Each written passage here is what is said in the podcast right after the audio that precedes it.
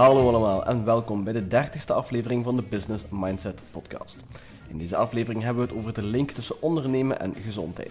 Hoewel weinig bedrijven dit als doel hebben, is zowel de mentale als fysieke gezondheid onontbeerlijk voor een optimale werking van het bedrijf. Enkel zo kunnen zowel bedrijfsleiders als personeelsleden hun productiviteit maximaliseren en de groei van het bedrijf een nieuwe boost geven. We voeren dit gesprek met twee ondernemers die gezondheid in het ondernemersleven zowel in de theorie als in de praktijk uitdragen. Lieven van Lommel en Siebe Hanouset.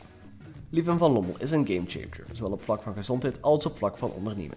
Gedreven door een straffe visie opende hij in 1996 op zijn 18e verjaardag zijn eerste saladebar en realiseerde dadelijk een stevige groei. In 2004 volgde de oprichting van zijn voedingsbedrijf Starmeal, dat hij bevoorraadde met zijn eigen biologische velden.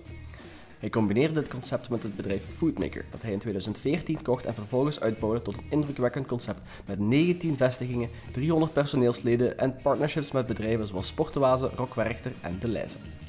Sibe Hanouset begeleidt en adviseert ondernemers, atleten en publieke figuren met betrekking tot prestaties, gezondheid en mindset.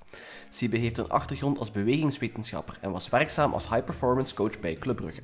Tegenwoordig heeft hij zijn eigen coachingsbedrijf en is het zijn missie om, samen met KPNY Belgium, de meest recente wetenschappelijke inzichten rond intermittent living te vertalen naar de praktijk. Hiervoor ontwikkelt hij coachingsprogramma's, ervaringsgerichte tools en opleidingen voor andere gezondheidsprofessionals. In een nutshell, Siebe coacht, mentort en onderneemt. Voor meer informatie over zowel mijzelf als alle gasten kun je altijd terecht in de description van deze episode. Dan vind je op die korte bio als ook de link naar social media accounts waar je het kan bereiken. Dat was het laatste van mij. Hope you enjoy the episode.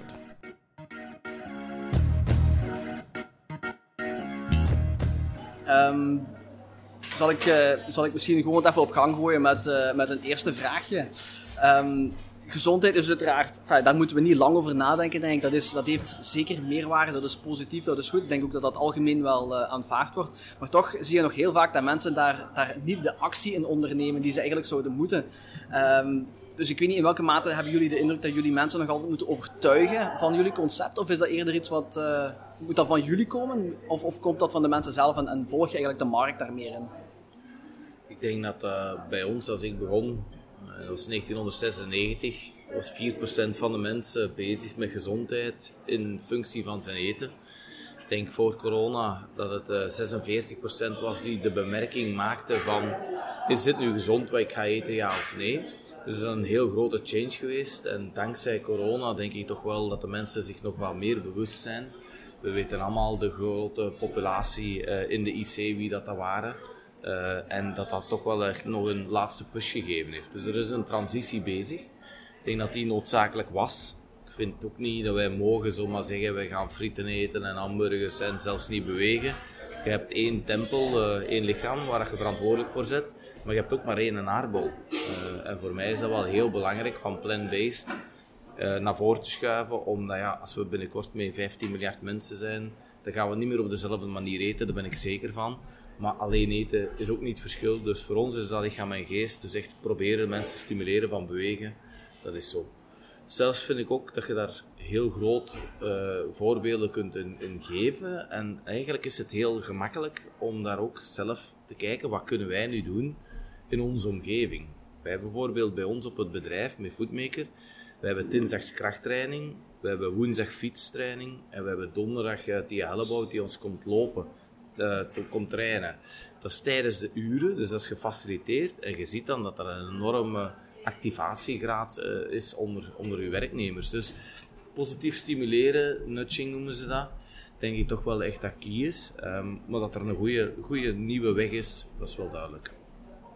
En weet je wat die transitie heeft ingezet? Want je zet eh, 4% 1996, 46 voor corona, wat eigenlijk al redelijk veel is. Wat, wat is zo de switch geweest daarin? Uh, de switch is echt wel geweest dat mensen zich toch bewuster, beter geïnformeerd zijn vandaag de dag, wie wilt weten wat, wat is gezond, daar gaan we niet over discussiëren. Omdat iemand die glutenintolerantie heeft, mag geen pasta eten, iemand die veel sport wel. Dus, maar de basis is wel groente en geen bewaarmiddelen, suikers, uh, toevoegingen. Dus ik denk dat daar iedereen wel uh, meer in, geleerd is van, ja oké, wat is nu gezonde voeding? En dat die transitie echt wel ingezet is uh, door eigenlijk meer weten van, wat is er hier nu aan de hand? Kan dat beamen. Ik denk, uh, we leven in een tijdperk dat er heel veel info voorhanden is. Hè. We, we, kunnen overal op Dr. Google intypen uh, wat dat we willen te weten komen. Nu, ook daar ligt wel een gevaar, daar schuilt ook wel een gevaar in. Hè, want op de duur heb je zoveel verschillende visies rond voeding, dat mensen gewoon al stress krijgen van, ja, maar als ik wil veranderen, dan zijn er duizend verschillende dingen, wat moet ik nu gaan kiezen? En ze pakken daar een stukje van en daar en het werkt uiteindelijk niet. Dus ja, er is een transitie. Anderzijds voel ik in de praktijk dat er nog heel veel mensen niet de juiste inzichten hebben. Er is een bewustzijn dat gezondheid belangrijk is. En dan hebben we het inderdaad over voeding, beweging, maar daar zijn nog andere dingen die belangrijk zijn. We kunnen met koude prikkels werken, et cetera, stressverlagend werken. Dus het bewustzijn is er, de inzichten komen er. Eh, maar een wijs man zei me ooit, inzicht zonder actie leidt altijd tot teleurstelling. Eh, dus het is wel een kwestie van mensen verder, en daar kunnen wij een rol in nemen, denk ik, eh, met onze visie en filosofie, om mensen verder te engageren om daar acties in te ondernemen, door drempels te verlagen, door juiste kennis te geven, en op die manier mensen ook echt naar een hogere gezondheid of betere gezondheid te krijgen. Dus transitie ja, inzichten ja, nu nog iets meer acties aan koppelen, en dat kunnen wij als individu doen, maar dat kunnen we ook op maatschappelijk niveau nog net iets meer gaan doen, denk ik. Ik denk ook dat daar uh, de, de, bedrijven een hele grote rol in spelen. Um, wij richten ons daar heel hard op om daar echt een verandering in te zetten. Omdat ik vind het vandaag crimineel om te zeggen van oké, kom bij mij werken en ik faciliteer hier ongezonde voeding. Ik bedoel, je verlangt dat die mens energie geeft aan u, geeft die mens dan ook wat dat dan nodig heeft op dat moment. Dat hij dan s'avonds uh, naar de frituur rijdt, daar hebben we niets mee te zien en dan, dat is zijn goed recht. Maar door de dag faciliteert die gezondheid. En je gaat dat zien van de ene keer dat je het faciliteert, dat de mensen daar ook wel van gaan gebruik maken. Ja, dus ik vind... Maar dan bedoel je niet alleen jouw rol als zijnde CEO van Foodmaker, maar gewoon algemeen. Algemeen. algemeen. Ik vind dat echt een, een verantwoordelijkheidszin voor iedereen die verant verantwoordelijk is voor een HR-beleid, dan wel uh, in het management zit, van dat op de kaart te zetten. Want dat is echt algemeen belang. En ik vind het echt zo, in sommige uh, bedrijven kom ik aan, ja, en er staat dan een uh, Mars-automaat, bij wijze van spreken, en een Coca-Cola-automaat. Maar die mensen die komen naar daar, die zitten om zes uur voor de corona in een auto, komen daar helemaal hongerig aan en gestrest. Die gaan op zoek naar een suiker. Smiddags zitten die daar vast, die kunnen niks doen ja, dat vind ik echt niet meer van deze tijd. Dus ik vind, dus je moet het echt faciliteren. En voor grote schaal te hebben, denk ik dat bedrijven een gemakkelijk middel is om ons daarop te richten. Ik heb ook een beetje probleem met ons verhaal van aan huis te gaan leveren. Elke dag al die huizen af. Als ik een bedrijf doe, zoals Proximus, ik heb daar 4000 klanten in één keer met één logistieke transport. Dus voor mij is dat wel belangrijk. Dus wat Alieve daar straks ook zei, nudging of held by design. Als je wil dat je gezonde en gelukkige werknemers hebt en die spenderen 8, 9, 10 uur van hun dag op het bedrijf, dan is het de makkelijkste stap om op dat bedrijf veranderingen aan te passen. En dat je dan s'avonds nog eens wat minder ongezond eet of leeft, dan heeft het al veel minder impact. Uh, dus daar kan ik absoluut uh, beamen dat daar misschien wel de grootste opportuniteit ligt. Ja, want dat was ook een vraag die ik wilde stellen. Want uiteindelijk, eh, als je Corda Campus, ik weet niet of jullie daar ooit geweest zijn in Hassel, dat is een heel mooi voorbeeld. Je hebt daar de Corda Bar. Um, als je daar een frietkot zet, gaan mensen frieten eten. Als je daar een, een ja, dat is uiteraard. Dus, dat, dus ik denk in die zin dat, dat bedrijven daar een, een mooie, een mooie uh, sleutel, uh, sleutelrol in kunnen spelen. Omdat zij, uh, de, wat, wat aangeboden wordt, dat wordt geconsumeerd. langs de andere kant moet je ook draagvlak hebben. Mensen moeten het ook willen. Ja. Maar ik denk dat je daar zo mensen nodig hebt die, die, die daar de leiding in nemen. Ik zie mijn eigen moeder is nu 65 jaar.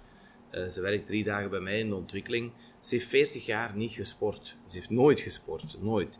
En wij zijn daarmee begonnen op het bedrijf. Ik zeg alleen, mama begint mee, start to run. En nu loopt hij de 10 miles mee op haar 66ste. Ik bedoel, dus, terwijl vroeger zit hij vijf jaar geleden op een fiets en ze zou omvallen. Ze heeft nog nooit op een fiets gezeten. Dus ik vind, je kunt daar echt wel een change in maken als, uh, als bedrijf. En hoe fijn is het om samen zaken te doen?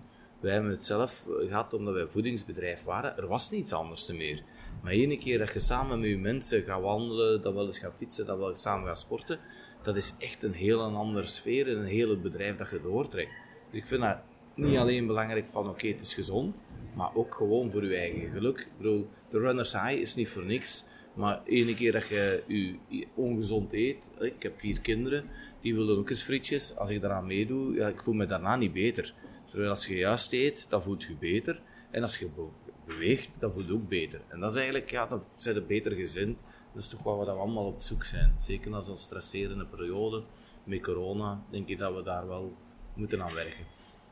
En dat gaat ook om bedrijfscultuur en het veranderen van die bedrijfscultuur. Want op vandaag is de norm geworden dat we de hele dag door zitten en dat we inderdaad, als we willen, overal een snack of een drankenautomaat hebben.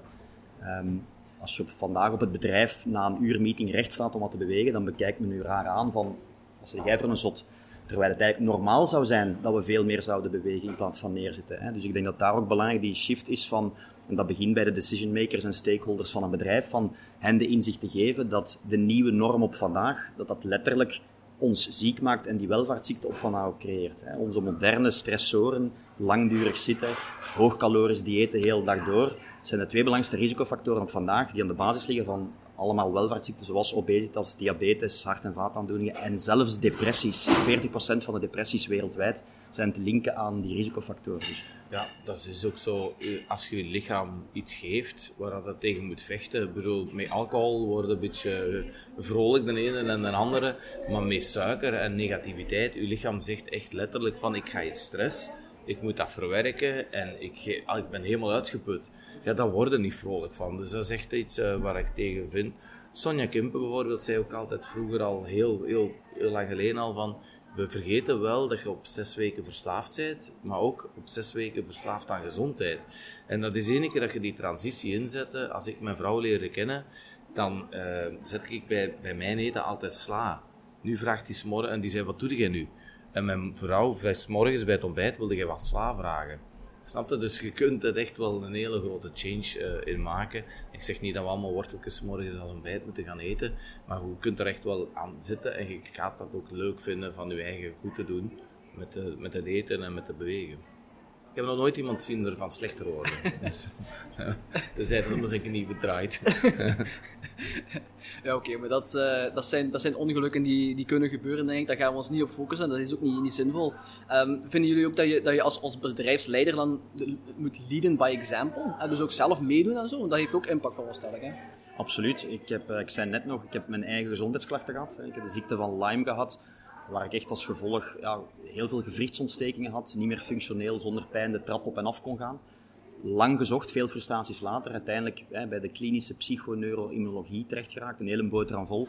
Een heel holistische wetenschap die vooral naar oorzaken gaat kijken. Ehm, en door mezelf een bepaalde ja, protocol toe te eigenen van oké, ik moet ijsbaden gaan nemen, ik, heb, ik moet bepaalde zuurstofademhalingsoefeningen doen, bepaalde voedingsrestricties. Op een bepaald moment geen zoodieren meer, geen suikers meer, geen alcohol meer, om echt mijn lichaam ontstekingsvrij te maken. En ik heb op die manier mezelf kunnen genezen. Eh, dus ik ben de eerste persoon die overtuigd is geraakt hè, van die visie van die wetenschap. Dus het is voor mij ook normaal dat ik dat blijf leven, want ik ben op vandaag klachtenvrij. De ziekte van Lyme is van de kaart. Uh, dus ja, lead by example is heel belangrijk. En je neemt mensen ook zo gemakkelijker mee in je zog. Als we kijken naar bedrijfsleiders die dan binnen het bedrijf de verandering kunnen maken. Ik ga ook voor mezelf in mijn coaching vaak richten op de bedrijfsleider. Want als hij of, zij overtuigd geraakt, ja, dan hebben we de deur open om in het bedrijf ook dingen te gaan veranderen. Bij ons is dat ook uiteraard, ik loop uh, helemaal niet graag, maar ik loop nu ook mijn uh, 10 miles uh, op een, een, normale tijd. Wij fietsen veel, ik, dat doe ik dan heel graag. We hebben een fitness in, in het bedrijf. Dat zijn allemaal zaken die je faciliteert, maar ook je moet dat verder trekken. We hebben nu een samen, normaal heb je een personeelsfeest, en nu was het allemaal wat minder mogelijk de, met die corona. Dus hebben wij ook gezegd van oké jongens, we gaan elke dag iets plezier doen. Dus we hebben voor iedereen uh, op het bedrijf een fiets gefaciliteerd, gaande van de elektrische tot dan wel een, een, een, gravelbike, dan wel mountainbikes, dan wel de racefietsen. En ze krijgen die allemaal gratis uh, bij ons ter beschikking. En dan gaan we samen naar de Mont Ventoux op gaan klimmen met wie dat mee wil. Doen we dan ook in een weekend. En dan heb je eigenlijk in plaats van het typische personeelsfeest, dat ook heel gezellig is, hè, met genoeg uh, joepie joepie, gaan wij nu eigenlijk een heel jaar daar naartoe gaan uh, werken. En gaan we samen fietsen, gaan we samen nog extra bewegen, tot en met dan de Mont Ventoux. Mensen zoals onze arbeiders, dat zijn er 300, die gaan echt zeggen van wauw, ik heb iets ongelooflijk, iets uniek. Want die zouden niet, niet snel het idee hebben van kom, we gaan de Mont Ventoux beklimmen. Groepsdynamiek werkt Groepsdynamiek werkt echt. Ja. En nu zijn ze vandaag, deze namiddag, zijn ze aan het leren rijden met die fietsen en zo. Dus dat was echt uh, heel plezant. Maar dat enthousiasme dat er dan is, ja, dat is wel fijn. En in die end, als bedrijf, als je zoiets faciliteert, je verandert wel het leven van die mensen. Want om zo'n 3000 euro voor een elektrische fiets of een racefiets, dat gaan die niet doen. Maar één keer dat ze dat hebben, zitten ze er elke dag op. En dan heb je dat wel veranderd. Uh, dat is iets positiefs. Ik hoor daar twee belangrijke dingen in vanuit mijn expertise. En dat is inderdaad hè, doelen stellen. Als mensen doelen stellen, dat is eigenlijk vervanging van de noodzaken die we op vandaag niet meer hebben. Ik zei net al, er is vandaag geen noodzaak meer. Wij moeten niet meer bewegen, want we kunnen overal zitten. We verplaatsen ons al zittend. En we kunnen de hele dag door eten. Dus er zijn geen noodzaken meer. Ehm, dat betekent dat het ook impact heeft op onze gezondheid en levensstijl. Als we doelen stellen, dat is eigenlijk een beetje een vervanging van zo'n noodzaak. Dus je kan met doelen die noodzaak terug gaan creëren om vaker te bewegen en gezonder te eten. Sommige mensen omdat ze klachten hebben en daar willen van afgeraken. En bij anderen omdat ze gefaciliteerd worden in bepaalde doelen met het bedrijf. Dus dat is een hele belangrijke, dat die doelen ervoor zorgen dat er discipline kan gecreëerd worden en dat mensen in een soort van levensstijl komen ik heb uh, Jules, die er hier juist was, die is 12 kilo kwijt. En dat was niet dat je zei van die jongen is niet in vorm, maar gewoon door die filosofie en dan ene keer in die groepsdynamiek te geraken. Dat was een jonge gast die eigenlijk zegt, ik ben nog nooit in mijn leven zo fit geweest. En dat is plezant en dat is dankzij het werk. En dat is heel fijn dat je dat kunt aandoen, want dat is gewoon die, die meenemen. En ja, die mensen die voelen zich beter. Hoe gelukkiger dat mensen zich voelt, hoe beter dat dan werkt. Dus voor mij is dat ook een win-win situatie. Maar het is ook gewoon veel leuker. En die, die social support, hè, dat groepsgevoel, is, die groepsdynamiek is heel belangrijk. En als je dat op het werk al niet hebt, ja, dan moet je daarop rekenen of fokken dat je dat thuis hebt. Maar ook daar is dat niet altijd makkelijk. Dus als de werkgever mee dat social support en dat groepsdynamiek creëert, ja, dan wordt het haalbaarder om iets te, ja, iets te gaan Ik vond ook zo'n beetje, soms krijg je een beetje een schuldgevoel. Hè? Als je zegt van, luister, ik zit al heel een dag op het werk en dan ga ik nog eens voor mijn eigen sporten in plaats van wel naar mijn gezin te gaan. Dat was bij mij toch ook zo iets van, ja, lieve, ik werk van twee uur, drie uur s'nachts en om acht uur ga ik naar huis. Als je dan nog zegt, ik ga eerst nog eens een uur gaan fitnessen, ja, dan zit het zeker dat je kinderen niet ziet. Nee, dat klopt. Dus uh, en met mij is dat nu wel voor iedereen. Ze worden gefaciliteerd, dus ze gaan die onder de middag uh, fitnessen of, of s'avonds. Dus om vijf uur, gaan wij, voordat we pinten gaan drinken, gaan we eerst nog iets, uh, gaan fitnessen. En dan gaat een goed weekend in, dus dat is plezant faciliteren bedrijven daar nog te weinig in? Want je zegt bijvoorbeeld uh, uh, fitnesszalen en, en, fietsen en zo, dat is, dat is vrij ver. Ik heb nog nooit iemand gehoord die dat doet, hè, dus ik vind dat chapeau. Uh, maar ik heb zo, soms, je kan als bedrijf, bedrijfsleider moet je echt overtuigd zijn van het totaalconcept, heb ik de indruk. Want je kan, bijvoorbeeld die, die Mars-automaat kan je vervangen door bijvoorbeeld iets met yoghurt, hè, dat, is, dat is gezonde voeding. Maar daarmee heb je het probleem niet opgelost natuurlijk. Dus, dus bedrijven gaan er dan nog niet ver genoeg in? Of hoe? Nee, bedrijven gaan daar niet ver genoeg in. En ik was echt bijna gefrustreerd tijdens de corona wij zijn een bedrijf dat de mensen helpen met gezond eten. We mochten niet meer naar mijn restaurant komen. Dus wij werden dan nog eens financieel enorm gestraft. En uiteindelijk zien we dat het toch een, een soort uh, ja, moeilijkheid was voor een politieker om te zeggen: jongens, uh, de obese mensen, mensen met zwaarlijvigheid, hebben echt serieus gevaar extra met corona. Dat werd zelfs niet benoemd. Dus dan heb ik zoiets van: jongens, dat is een wereldpandemie obesitas daar wordt nu eigenlijk ook gezien dat deze ziekte daar echt nog op invloed heeft. Want hoe, hè, hoe slechter dat je in vorm was, hoe harder dat je er dan nog kans op had van, van, van gewaar te hebben. En dat wordt dan niet benoemd, want ja, je zou maar eens iemand moeten schofferen. Ja, dat, dat vooral. iemand moeten schofferen, je kunt iemand helpen en motiveren. Als iemand dan nog zegt, hey, gewoon win, dat is zijn ding. Ik vond dat echt een gemiste kans. Ik zie nu wel uh, verschillende bedrijven terug naar het werk gezond terug naar werk, dat dat wel hoger op de agenda is en dat er meer mensen iets over roepen. Wat ik omarm. Hoe meer mensen erover roepen, hoe meer dat de grote cateraars zeggen, hey, het is niet alleen Foodmaker die gezonde voeding heeft, wij hebben dat ook allemaal zoveel te beter, want wij alleen gaan dat niet doen. Maar als mens moeten we echt wel die samenleving proberen te stimuleren naar positiviteit door het vlak van beweging en gezond eten. Dus zeer, zeer juist dat de mensen en de bedrijven daar echt moeten op inzetten de verantwoordelijkheid van ons allemaal. Klopt. Heb je, ik weet niet of, of jij het ook doet, hè? je mag ook uh, op erin pikken. Heb je dat vanaf het begin af aan gedaan? Of dat wil zeggen, heb je op een of andere manier kunnen vaststellen van toen ik, sinds ik dat gedaan heb, merk ik dat resultaat? Of is dat, is dat gevoelsmatig meer? Dat is gevoelsmatig en uh, ik heb dat ooit, en toen was ik mee, we hadden een samenwerking met de ploeg uh, Alpecin Phoenix, noemde dat nog niet, was met Niels Albert, met de gebroers Roodhoofd. En die zeiden altijd op het einde van het jaar gingen de fietsen die gebruikt waren weg. Dus op dat moment hadden wij heel moeilijk financieel, uh, omdat wij een nieuwe locatie aan het bouwen waren en er waren twee groepen. En ik zei, ja, we zijn twee jaar bezig, we hebben veel succes gehad, maar nu met de verhuis naar het nieuw, hebben wij eigenlijk zo wat ruzies in de teams en frustraties. We begrepen elkaar niet meer. En toen heb ik ook uh, de eerste keer gezegd van, weet ik koop voor iedereen van mijn team, dat waren dan maar tien mensen, koop ik zo'n fiets en we gaan samen fietsen. En dan kunnen we eens een, een uurtje of twee uurtjes babbelen over de problemen, zonder dat je dat bijvoorbeeld in een café doet en niet meer weet wat je gezegd hebt, maar dat je dan echt eens kunt gaan fietsen samen en ondertussen kunt je verhaal doen tegenover elkaar.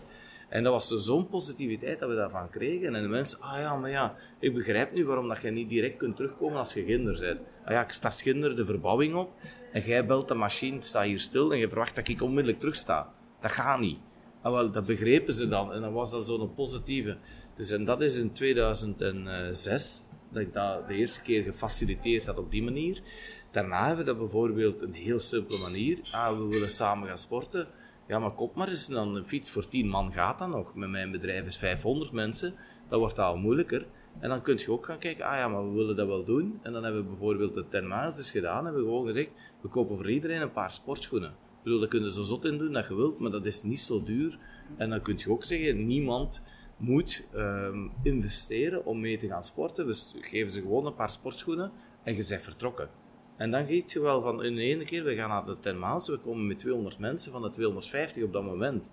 Ja, dat is fantastisch. Hè? Dan, dat je daarna uh, vijf feestjes hebt, dat is een evidentie.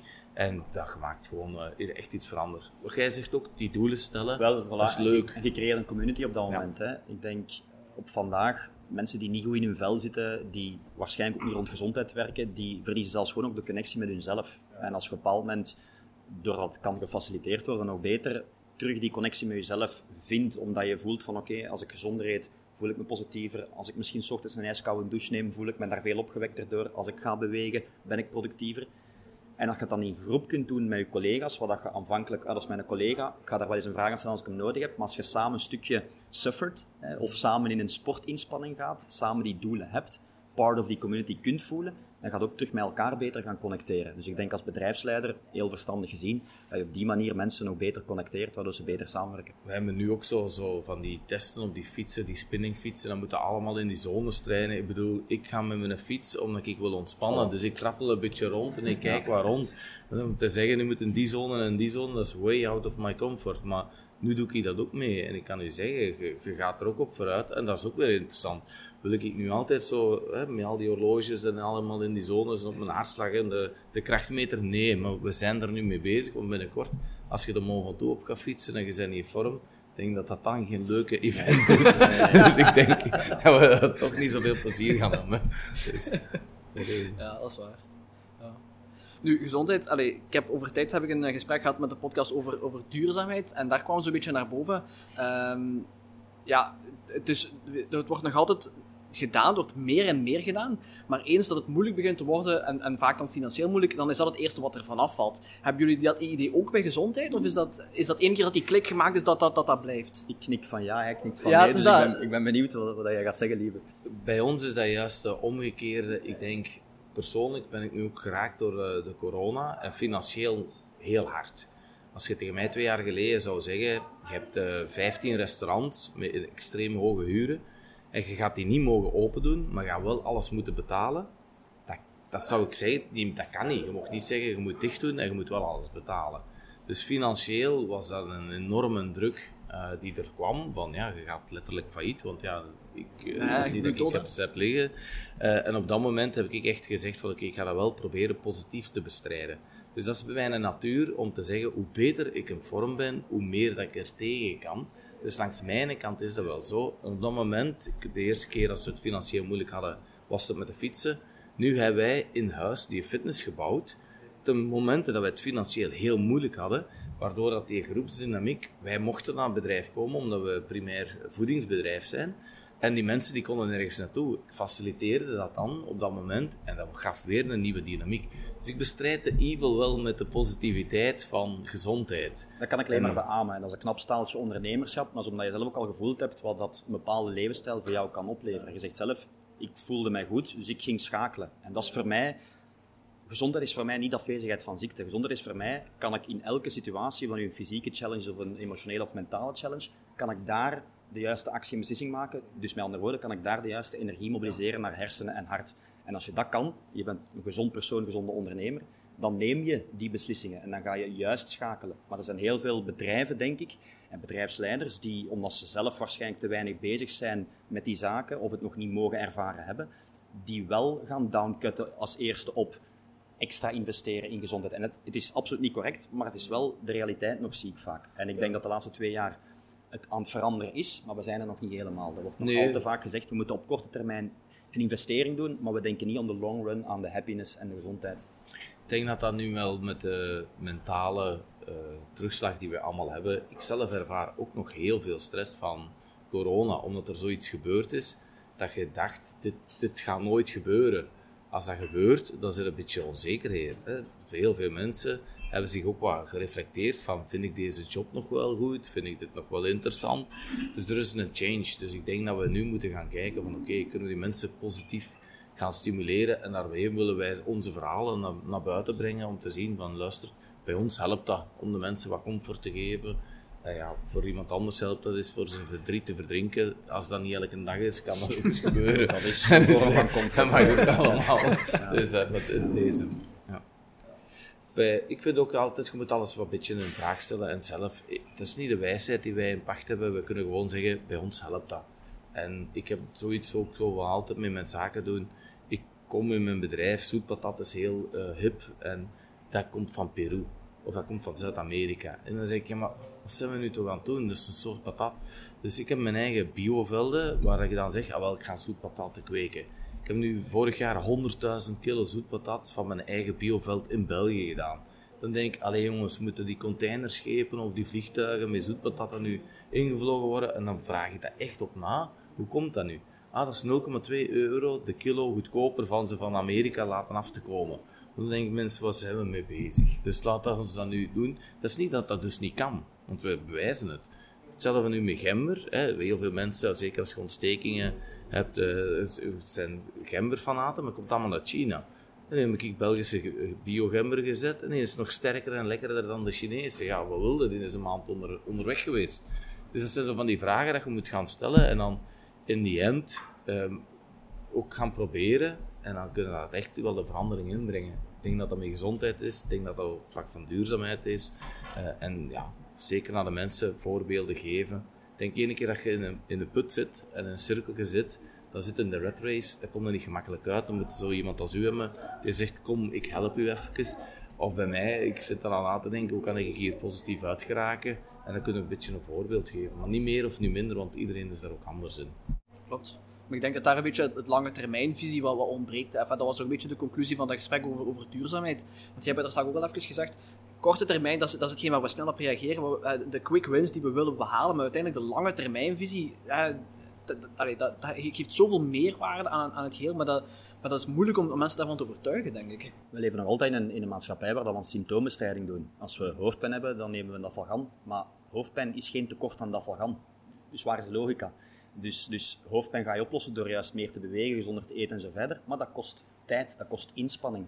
En als je er dan alleen voor staat, dan wordt dat opboksen tegen, ja maar ik, heb, wil zelfs nog met vrienden afspreken en ik heb geen tijd om te bewegen, moet ik dan nog doen? Als je het dan faciliteert op het werk alvast, waar je 8, 9 uur, 10 uur per dag bent, ja, dan kan je op die manier stappen vooruit zetten.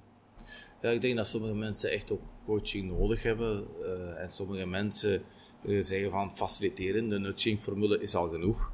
En eh, dat is eigenlijk een beetje een keuze. Maar als, als bedrijf vind ik absoluut dat we de verantwoordelijkheid hebben om juist die te gaan. Er zijn meer dan duizend frituren in België. Ik bedoel, ik heb een van de Big Four bedrijven die een nieuw hoofdkantoor en de mensen geven aan, we willen Foodmaker als kantine. En die dame die komt naar mij en die zegt, ja maar nee, nee, nee, wij moeten die frieten aanbieden.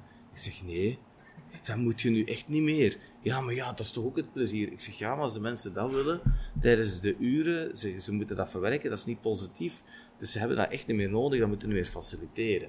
Dat was nog een discussie. Ik zeg, maar ik moet dat niet zeggen, madameke, van welke hè, tijdkost stamde jij af? Maar ik vind dat gewoon echt een, een, een ding van ons, van te zeggen, faciliteert die gezondheid. Dat is uw verantwoordelijkheid. Misschien kan je zoete aardappelen verkopen aan die frituur. ja, ja, uiteraard. Maar wij hebben hier ook uh, nu een hamburger gemaakt met een vegan broodje, een glutenvrij, allez, glutenvrij broodje met onze groentjes en een vegan burger. Nu, de mensen hier in de straat, je hebt daar de McDonald's, je hebt daar de Burger King, dus ze zijn het gewoon Die komen hier en zeggen, maar nog nooit zo'n lekkere hamburger gegeten. Ja, dat is één, het is geen hamburger, het is een groenteburger, maar ten tweede, het is gewoon gezonde voeding.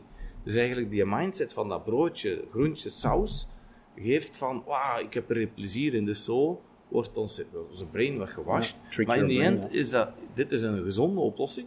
En de mensen vinden dat even lekker, want je zit hier echt in de straat waar dat iedereen komt. Hè? En dat is dan zo plezant om te zien. Het hoeft niet. We geven daar nu wat zoetpatatje frietjes bij, hè, die dan nog eens in de oven gaan. Waarom maak ik mijn eigen falafels? Ah, falafels, eiwittenvervanger, dat is gezond. En elke falafel in België is gefrituurd.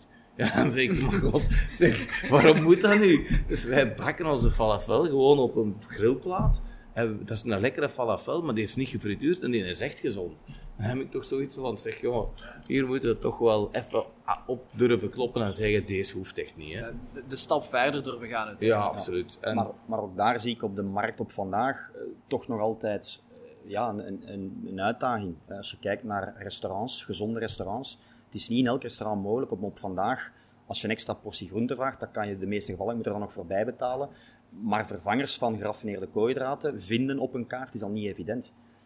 En twee, het kost ook altijd meer geld. En dat is denk ik het issue bij heel veel mensen. Hè. Als ze dan kunnen kiezen tussen een frituur of tussen inderdaad hier, ik ken jouw prijzen niet lieven, maar ik neem aan dat goedkoper als de frituur. Voilà, Dus en dat is juist het en maak jij daar het verschil? Want Als wij zien, eh, als jij naar een restaurant gaat, dan is dat je keuze. Als mijn kinderen naar het restaurant van school gaan en die krijgen daar die kankerkeukens letterlijk voorgeschoteld, in de soep zit suiker. In de balkjes zit zelfs geen vlees meer, zit vet- vetzakkerij, kleurstoffen, bewaarmiddelen, alles. En dan zeggen ze, ah ja, maar ja, dat is goedkoop. Hoe, dat is goedkoop. Die balkjes in tomatensaus kost meer dan 4 euro per portie. En een tas soep bio kost nog geen halve euro per portie. In die biosoep zit dus meer vid- voedings- en mineralen wat dat ze nodig hebben. En dat kind gaat niet beginnen te stuiteren van alle vetzakkerij dat dat binnen heeft geeft, want dan heeft dat ADHD. En op dat moment zegt jij van, allee jongens, het is goedkoper van de gezonde oplossing. En dat kind met een, boterham, al is een witte, hè, en, en een bruine boterham met die tas soep, heeft meer binnen voedingswaarde technisch en veel beter voor zijn eigen gezorgd dan dat 5 euro kostende menu, waar dat hij eigenlijk ziek van wordt. Sorry. En dat, die heeft daar niet voor gekozen. nee, er zijn absoluut oplossingen om het op een, op een haalbare manier te doen. Maar toch denk ik nog dat we op maatschappelijk niveau, als we kijken naar het invoeren van suikertaxen en zo verder, daar toch nog wel werk hebben. Welk signaal geef je als overheid dat een pak lasagne in een Aldi anderhalve euro kost? En je kunt, dat, is, dat twee kilo lasagne bij wijze van spreken. En dat een pak sla in dezelfde winkel meer kost. Als je in Israël je eerste vaccin ging halen, krijg je als beloning een pizza. Ja, dan geven we gewoon op dat niveau al een verkeerde boodschap uit. Dus daar moeten we ook wel, moeten, moet niks in het leven, kunnen we denk ik ook nog wel heel wat stappen zetten, waardoor het onder andere voor bedrijfsleiders, zoals Foodmaker en anderen, nog net makkelijker wordt ook om te zeggen van als op politiek of maatschappelijk niveau er wat dingen aan gekoppeld worden, kunnen wij meegaan. Ik heb dat ook zo. Wij, wij komen nu heel veel in bedrijven, zoals bij Proximus zitten wij in bedrijven, bij Engie zitten wij in de bureaus, en dan wordt er eigenlijk de, de keukens gesubsidieerd. En, dus die worden gesubsidieerd en wij zitten dan eigenlijk te concurreren met een slaatje aan 7 euro ten opzichte van de, de stekfriet van 4 euro, omdat daar de 10 euro bij betaald wordt. Ja, dan denk ik ook zo van, jongens, wat zijn we eigenlijk bezig? Eigenlijk zouden wij een subsidie moeten krijgen om gezondheid aan te bieden, in plaats van de concurrentie te vergroten, met eigenlijk te zeggen, daar gaan we nog de helft van betalen. Dus ik stel me bij zo'n zaken wel vragen bij. Ehm, maar ik denk wel dat je, als je wilt gezond eten, dat dat absoluut niet duur hoeft te zijn. En vandaag de dag, ik heb zelf, ik ging naar de frituur, ik heb vier kinderen, krijg dan zo'n sms met alles erop. Ik stond daarmee met 50 euro. Dat was niet Eh, genoeg. was voor. en dat was niet genoeg. Ik zeg, wat is deze? Ik zeg, ik zit toch hier toch bij de frituur. En die madame wou dat nog niet meegeven. Dus ik moest dan echt letterlijk naar huis rijden, aan mijn frieten koud en alles, geld gaan halen en terugkomen. Omdat ik niks op zak had. Welke les hebben we geleerd? Ik weet meer van de frituur. dus, allee, ik ga dat niet tegen mijn ki- kinderen zeggen dat er geen frieten van een frituur eh, eens één keer per week mogen. Dus op dat moment zeg ik ook van, jongens, het gaat hier niet over geld. Zo, hier kun je binnenkomen, voor 3 euro heb je gezond gegeten. En als je echt eh, je best doet, dan gaat het 10 euro op hebben. Daar bij de McDonald's zetten daar ook een menu voor, dus het is juist hetzelfde. Maar dan, dus, vanuit het bedrijfsleidersperspectief, eh, als je, als je, je hebt 5000 mensen, of hoeveel mensen heb je in dienst? 500. 500, oké. Voor corona, 305. Oké, maar dus als je, als je voor zo'n club, hè, als je daar al de impact voor kan maken, dat is uiteraard heel mooi. Maar de mensen die hier op de straat lopen, eh, die gewoon in het restaurantje binnenkomen, en dan spreek ik nog niet over de McDonald's aan, want dat is, dat is inderdaad een keuze, gelijk je zegt. Ehm, wat jij juist zei, die, krijgen, die, die, die hebben vaak de keuze ook niet om gezond te eten. Dus op dat niveau moeten we dan ook toch, op, als, als bedrijfsleider, want dat zijn ook allemaal bedrijfsleiders, moeten we ook toch, toch wat meer kunnen doen dan... Ik denk, ze hebben altijd een keuze. Maar vaak wordt die in een bepaalde richting geduwd, omdat de keuze die je op dat moment hebt niet de juiste keuze kan zijn. Ik bedoel daarmee, je kunt gezond eten en leven, maar je moet er een extra inspanning voor leveren. Terwijl daar de automaat staat met snoepgoed en ik voor een gezond slaatje een kilometer moet wandelen of 500 meter moet gaan wandelen. In deze straat nu is het misschien uitzonderlijk, omdat je hier van alles hebt. Maar je hebt heel vaak, als ik thuis, ik woon in een, in een, in een dorpje, als ik daar gezonde voeding wil hebben... Dat is ja, de- moeilijk, hè? Ja, moet ik al, of ik moet het zelf gaan doen. Maar daar heb ik dan op vandaag, maak ik geen prioriteit van. Nee, het dat, zelf is, dat is wat wij doen. Wij koken gewoon voor de mensen op, op inderdaad grotere schaal, gewoon omdat je niet altijd een tijd hebt. We zijn nu eigenlijk met een concept bezig waar dat je dan gewoon letterlijk nog je koolhydraten die je dan wilt doen, is dat nu een quinoa of is dat nu een simpele pasta, en dat je daar gewoon iets moet bij doen, zodoende van ik heb gegeten, of ik heb wel gekookt, ik heb goedkoop gegeten, maar wel op heel korte termijn.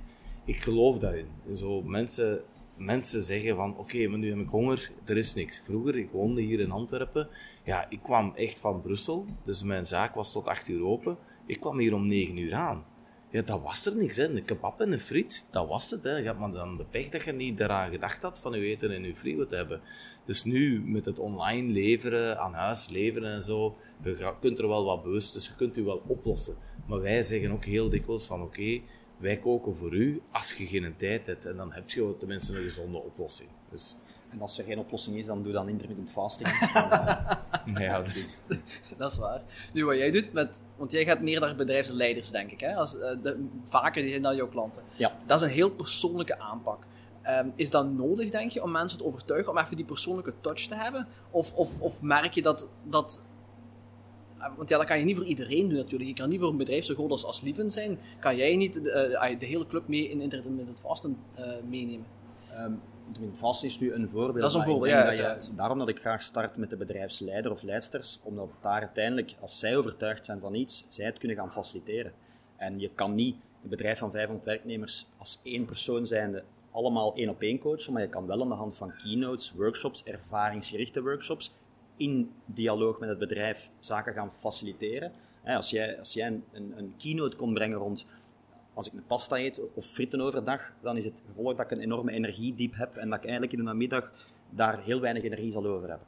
De bedrijfsleider zegt van, ah ja, oké, dat wil ik wel aanpassen, want ik wil productiviteit van mijn werknemers. Dus als je dan daar een, kennis komt delen van hoe kan ik dan, met welke voeding kan ik ervoor zorgen dat ik die energiediep niet heb en dat ik me nog eens gelukkiger voel en beter en productiever werk, ja, dan gaat die bedrijfsleider zeggen, joehoe, bring maar on. En dan gaat die werknemer ook zeggen van, ah ja, dat is eigenlijk ook wel wat ik wil.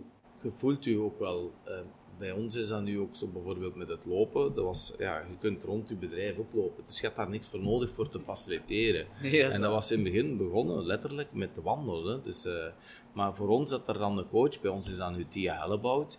Eh, dat is dan een Olympisch kampioen. Dus eh, die, die mensen, die, sporten, die kijken zo van wauw, Olympisch kampioen komt af.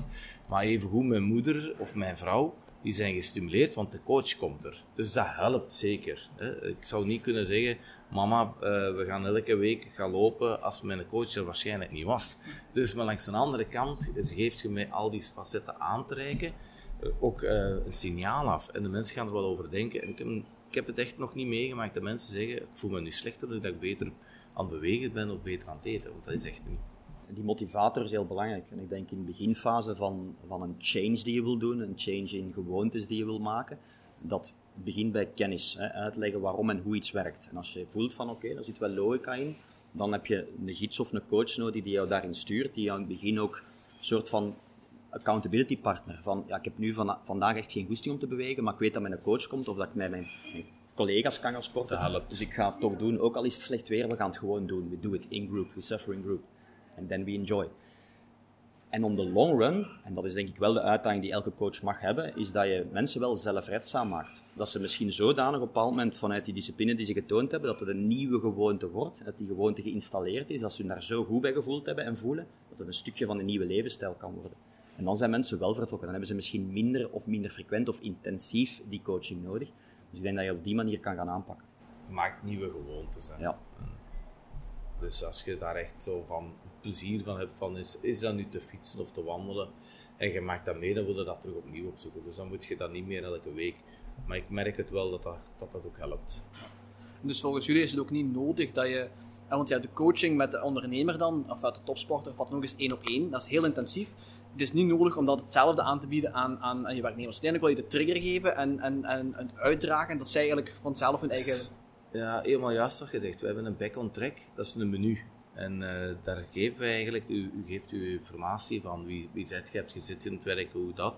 En dan krijg je een menu aangereikt voor drie maaltijdmomenten of voor mensen die heel intensief sporten of meer bewegen, vier maaltijdmomenten. Aangepast op wat dat je doet. Die mensen zijn zo blij omdat ze in één keer leren, ja, maar ja, ik krijg hier nu drie potjes en ik moet dat gewoon volgen en ik moet dat opeten. En mensen zeggen dan, oh ja, maar ik heb geen honger meer, dat is genoeg. En eigenlijk geeft je ze gewoon wat je lichaam nodig heeft, letterlijk wat dat ze nodig hebben. En eigenlijk zijn ze daar blij mee, want nu weten ze dat. Ik heb het voor de grap is zelf gemeten als ik spaghetti eet. Wat eet ik nu eigenlijk op? 1,6 kilo spaghetti buffelt deze jonge man binnen. Dus omdat er geen rem is en omdat je het niet weet. Het is gewoon, ik, wij hebben van die old school borden. Als je dan ziet wat daarop zit. Terwijl met een back on track, wij geven dat aan mensen. En er zijn echt wel mensen die niet weten hoeveel moet ik nu eten, wat moet ik nu eten. En ze volgen dat. We hebben een metabolische leeftijd die wij u geven. En die is gemiddeld tussen de 5 en de 10 jaar op twee weken tijd naar beneden. Over alle mensen heen. En ze zeggen dan, maar nu weet ik de mensen die structuur van drie keer te eten of van vier keer te eten. En die portiegrootte, nu weet ik dat. En die moeten niet heel hun leven elke dag foodmaker, ik zou dat wel willen, hè, vier dagen. Maar die hebben een basis gekregen en die blijven dat volhouden. En als je tegen iemand eens zegt, eet je box op en niks anders, dan begin je maar pas te zien wat je er allemaal bij steekt. Hè? Hoeveel keren dat je iets anders erbij doet. Ik denk dat dat ook weer een voorbeeld is van hoe kan je in de beginfase de kans op slagen vergroten. En dat kan meten is weten, kan daar zeker toe bijdragen. Bij andere mensen geeft dat misschien net soms nog wat meer onrust van ja, want als ik dat niet heb gedaan en mijn slaap, een aura-ring zegt dat ik niet goed heb geslapen, wat heb ik dan verkeerd gedaan? Dus het kan wel in beide richtingen zijn.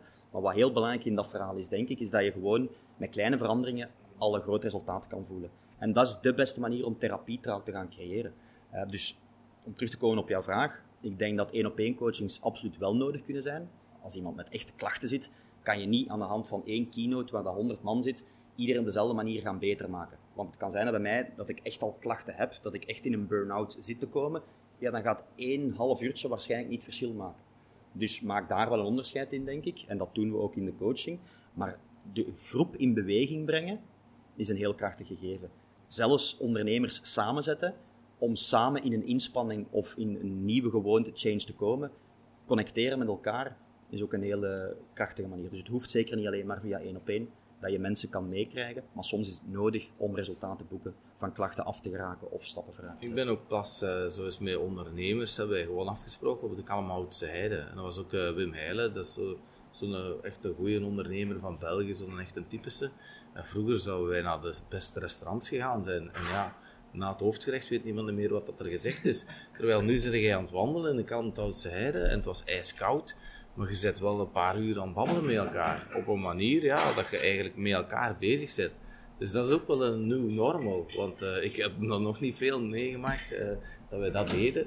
Dus voor mij zijn dat wel interessante gegevens. Zo. Zaken die, die geen geld kosten en die toch wel een change maken. Dat is een mooi voorbeeld, Wim Heijden, want hij heeft sinds kort ook een eigen magazine dat hij vanuit zijn heile groep heeft uitgebracht om mensen te inspireren, anderen met ondernemersverhalen.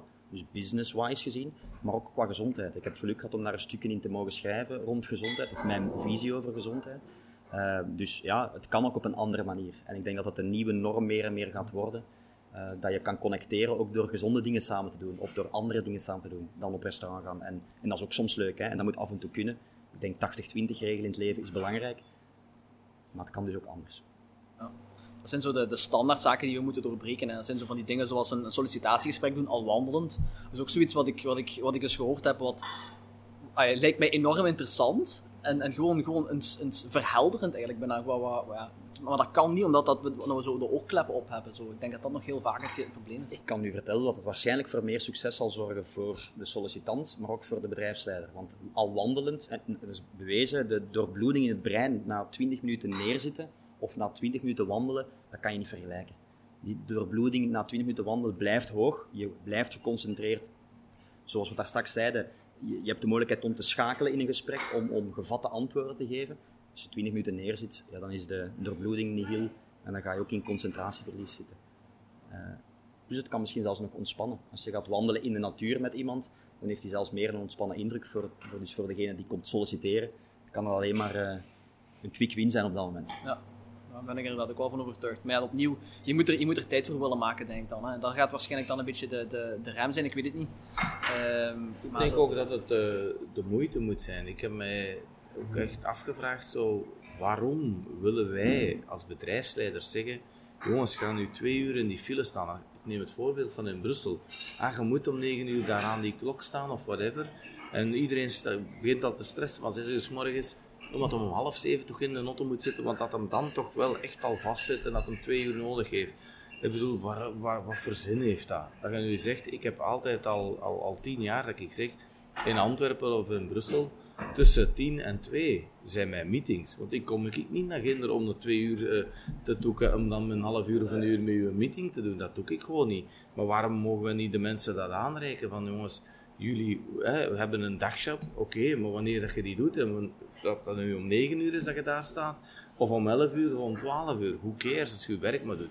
Dus dat vind ik van die zaken, dan zeg ik dank u corona dat we dat toch in vraag gesteld hebben. En ik zeg niet dat we alleen maar van thuis moeten werken, want met mijn businessrestaurant hebben we een serieus probleem. Ik hoop dat ze zeker nog naar het kantoor komen, maar we moeten dat wel echt doen. Niemand wordt daar beter van, van twee uur in de auto zitten te frustreren. Als u dat ontspant, feel free. Ik heb dat nu soms. Woon nu dichter bij mijn bedrijf als vroeger. Ik ga meestal met de fiets of ik loop dat.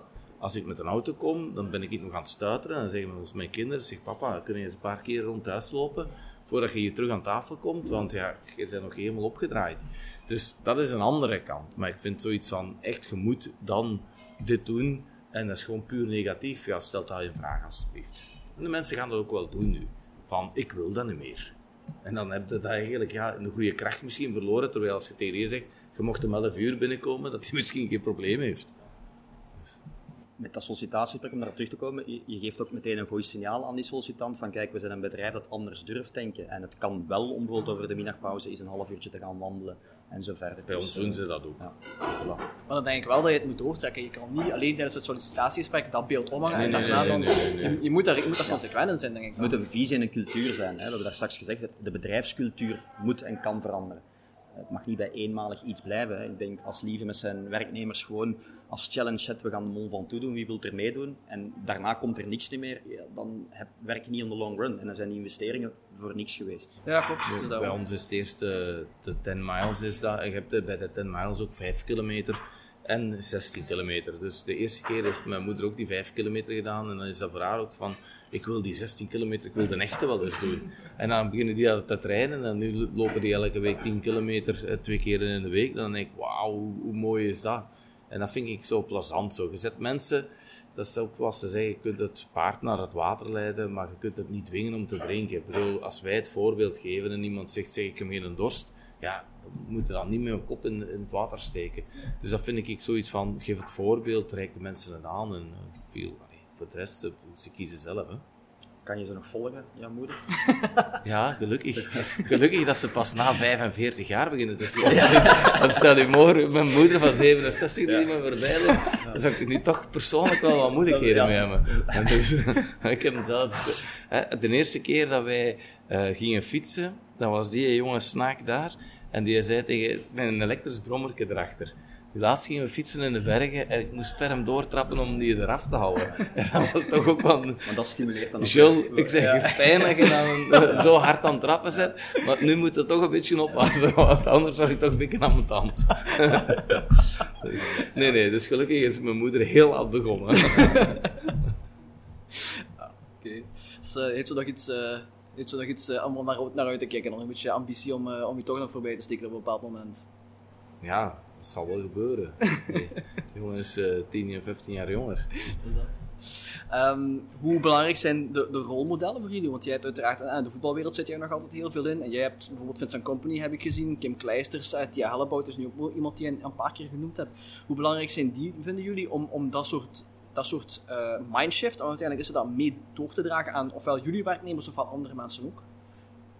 Ik heb uh, Lieve ooit leren kennen trouwens, hè, op Club Brugge, waar dat hij zijn product of service kwam, kwam uh, aanbieden of daarover informeren.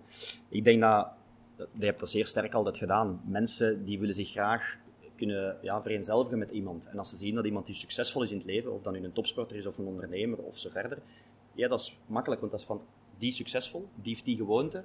Dus als die mij vertelt of kan inspireren dat dat die gewoonten zijn, dan ga ik misschien wel eens proberen wat dat voor mij kan betekenen.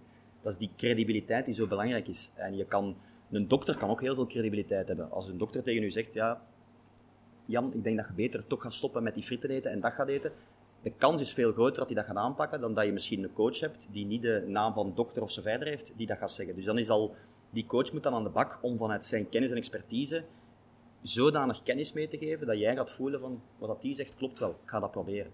En dat is altijd de grote uitdaging. Terwijl als je werkt met rolmodellen, is het soms, het kan het verhaal faciliteren om makkelijker in een beweging te komen. Bij mij is dat zo, ik was heel gedreven, niet in school, dat dat heel duidelijk was, maar wel in ondernemen. En ik denk ook, ja, zoals een Tom Bonen of uh, een Stefan Evers, dat zijn vrienden voor het leven. En toch heb je eigenlijk een beetje dezelfde filosofie. Zij zijn topsporter, uh, die Hellebout allemaal. En eigenlijk, die gaan tot het extra en nog veel verder. En je doet dat zelf als ondernemer ook. Hè.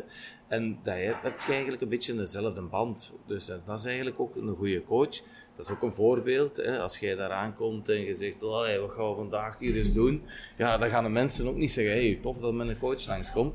Maar bij mij is dat zo organisch gegroeid, dat wij met die mensen in aanraking komen en eigenlijk elkaar heel goed begrijpen.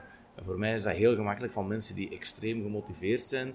Die, dat is niet dat die dat moeten, maar dat is gewoon omdat die dat willen. Als Tia Hellebout over de twee meter springt, ja, dat is niet van eens af en toe eens te gaan oefenen.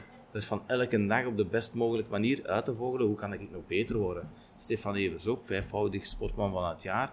Als je ziet wat dat die allemaal moesten trainen, dat is ongelooflijk. Je moet maar een Tom zien die dan wereldkampioen wordt. Er staan wel 200 mensen, allemaal heel, heel zwaar getraind en je moet hem wel winnen. Dus dan is het niet van, ja, ik heb wat talent. Nee, dan is het van, ik, ik ga er heel hard voor werken. En dat geeft een stimulans. Zo als ondernemer ben ik ook zo van, ik stel alles in vraag van, wat, wat kan ik nog beter? Wat zou nu voor mijn consumenten nog beter zijn? Denk als coach, gaat je ook nadenken, wat kan ik nu helpen aan, aan die jongen specifiek of die vrouw? Je zit daar continu mee bezig van te verbeteren. En dat is zowel naar mijn mensen als naar mijn consumenten. En dat heeft een topsporter ook. Het enige wat hij denkt, hoe kan ik nog beter? Hoe kan ik nog sneller? Hoe kan ik nu niet 20 golen maken, maar 25 golen maken? Daar zijn die aan aan het werken. En dat is iets dat ja, noemt men passie in de meeste gevallen, ofwel doorzetting. Ja. En ja, daar komt er wel op dat vlak veel tegen. Vooral een groeimindset, hè. Uh, dat je echt wil vooruitgaan, stilstaan is achteruit gaan. En ik denk, wat Lieve terecht zegt, topsport is ondernemen, of ondernemen is topsport. Je mag het zelf invullen. Hè, maar, en daarom dat ik ook zo graag werk met topsporters, ondernemers, bedrijfsleiders, omdat de uitdaging ook voor mezelf als coach is altijd van, hoe kan ik in dat drukke leven toch mee eraan werken dat die percentages nog kunnen geboekt worden. En dan komt het weer op die therapie trouwen, of het succes van de coaching. Uh, dan heb je daar ook heel sterke uh, resultaten nodig. Dus je hebt op een haalbare manier iets gaan doen. Een ademhalingsoefening, een koude douche. In plaats van vijf keer per dag, misschien drie keer per dag eten. Meer groente eten in plaats van geraffineerde koolhydraten. En die mensen voelen ook meteen dat dat stappen vooruit betekent. En zo kan je daar denk ik mee aan de slag gaan. Ja, ook zo het positieve ik vind dat wel heel belangrijk. Zo, ik was vroeger, ik had de aanleg van dik te zijn. En, maar ja, ik had dan ook heel graag boterhammen met chokken en zo. En, en croissants en alles. Dus ik had dan nog eens die smaak ook. En ik heb dat in mijn eigen heel jong kunnen veranderen. Omdat mijn twee broers, die waren juist omgekeerd. Die waren heel mager die zei tegen mij, hey, de, de dikken. en ja, het, ik heb die foto's nu eens herbekeken. Als ik geboren was, was ik heel dik. Maar daarna echt niet. En dus eigenlijk, maar voor mij was dat dan zo van, ja, maar ik ga die mannen wel eens iets bewijzen. Zo van, hè, ik ga, ik... En uiteindelijk was ik uh, op 14, ik deed heel veel kracht. En ik kon die mannen eens ferm afmotten. En dat was mij gelijk zo. Dus uh, dat was ook zoiets wat ik ja, iets negatiefs. Maar dat is de drive die jij hebt als ondernemer. Hè? En je past dat toe zowel in je ondernemen zijn als in je, je sport en wat dan ook. Een topsporter, net hetzelfde. Die gaat volle bak voor wat hij wil. Maar jouw werknemer, die, staat niet, die heeft niet diezelfde drive als jij. En ik heb ook gemerkt, heb ik ook al een, een ander van andere mensen gehoord, dat, dat het, het, ehm, ja, de aantrekkingskracht van een ondernemer is niet zo hoog als die bijvoorbeeld van een topvoetballer. Wat jammer is. Ik vind dat heel jammer. Maar het is daarom, heb je dan die mensen nodig die zo dat, dat, dat ja, zijn, om het zo te zeggen? Of, of... Voor, voor de grote massa is dat misschien nodig. Maar ik denk als je werknemer bent van een bedrijf zoals bijvoorbeeld Foodmaker, dat je niet Tom Bonen nodig hebt om in dat bedrijf juiste dingen te gaan doen. Uh, dus ik denk dat het, dat daar gewoon de bedrijfsleider slash de cultuur van het bedrijf, nogmaals, dat ik dat herhaal, maar het is zo belangrijk dat mensen voelen van, kijk, hier worden dingen gefaciliteerd, hier kan ik andere dingen doen dan ik normaal verwacht word van te doen, op mijn stoel blijven zitten en niks doen.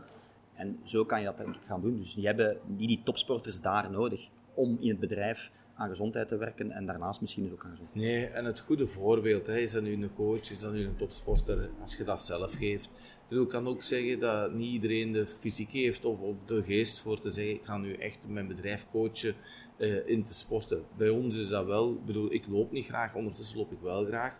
Ik fitness wel graag en zo. We doen veel samen dingen die ik zeg van, vind ik dat nu plezant of niet? Het is die groepsdynamiek die er is, maar wij gaan dat wel omarmen. En soms is dat, hè, ik heb... Uh, in de fitness niet veel vrouwen gezien, maar mijn coach is uh, Dylan. En uh, die is uh, zo een, maar dus de hele zaal zit vol vrouwen. Dus, en wij noemen die dan nog... Gemiddeld. Dus de doel heilig gemiddeld. Ja. Dus in die end moet je gaan, gaan puzzelen van, ja, is dat nu de knappe coach die komt hier, uh, die tegenover mij zit, of is dat nu onze? Uh, we willen gewoon de mensen aan het sporten hebben. Dus wat is er voor nodig dat een Tom Bonen eens komt praten? Ja, dat zou ik heel graag hebben. Hij, hij komt soms langs. Dat wil dat Siebe langskomt, of dan wel als ze maar bewegen. Dus dat is eigenlijk ja, waar je mee bezig zit. Dus, uh. Iedereen inspireert op zijn manier. Hè. Je, ja, hebt, je hebt mensen zoals een Wim Hof bijvoorbeeld, die heel sterk vanuit zijn eigen verhaal inspireert.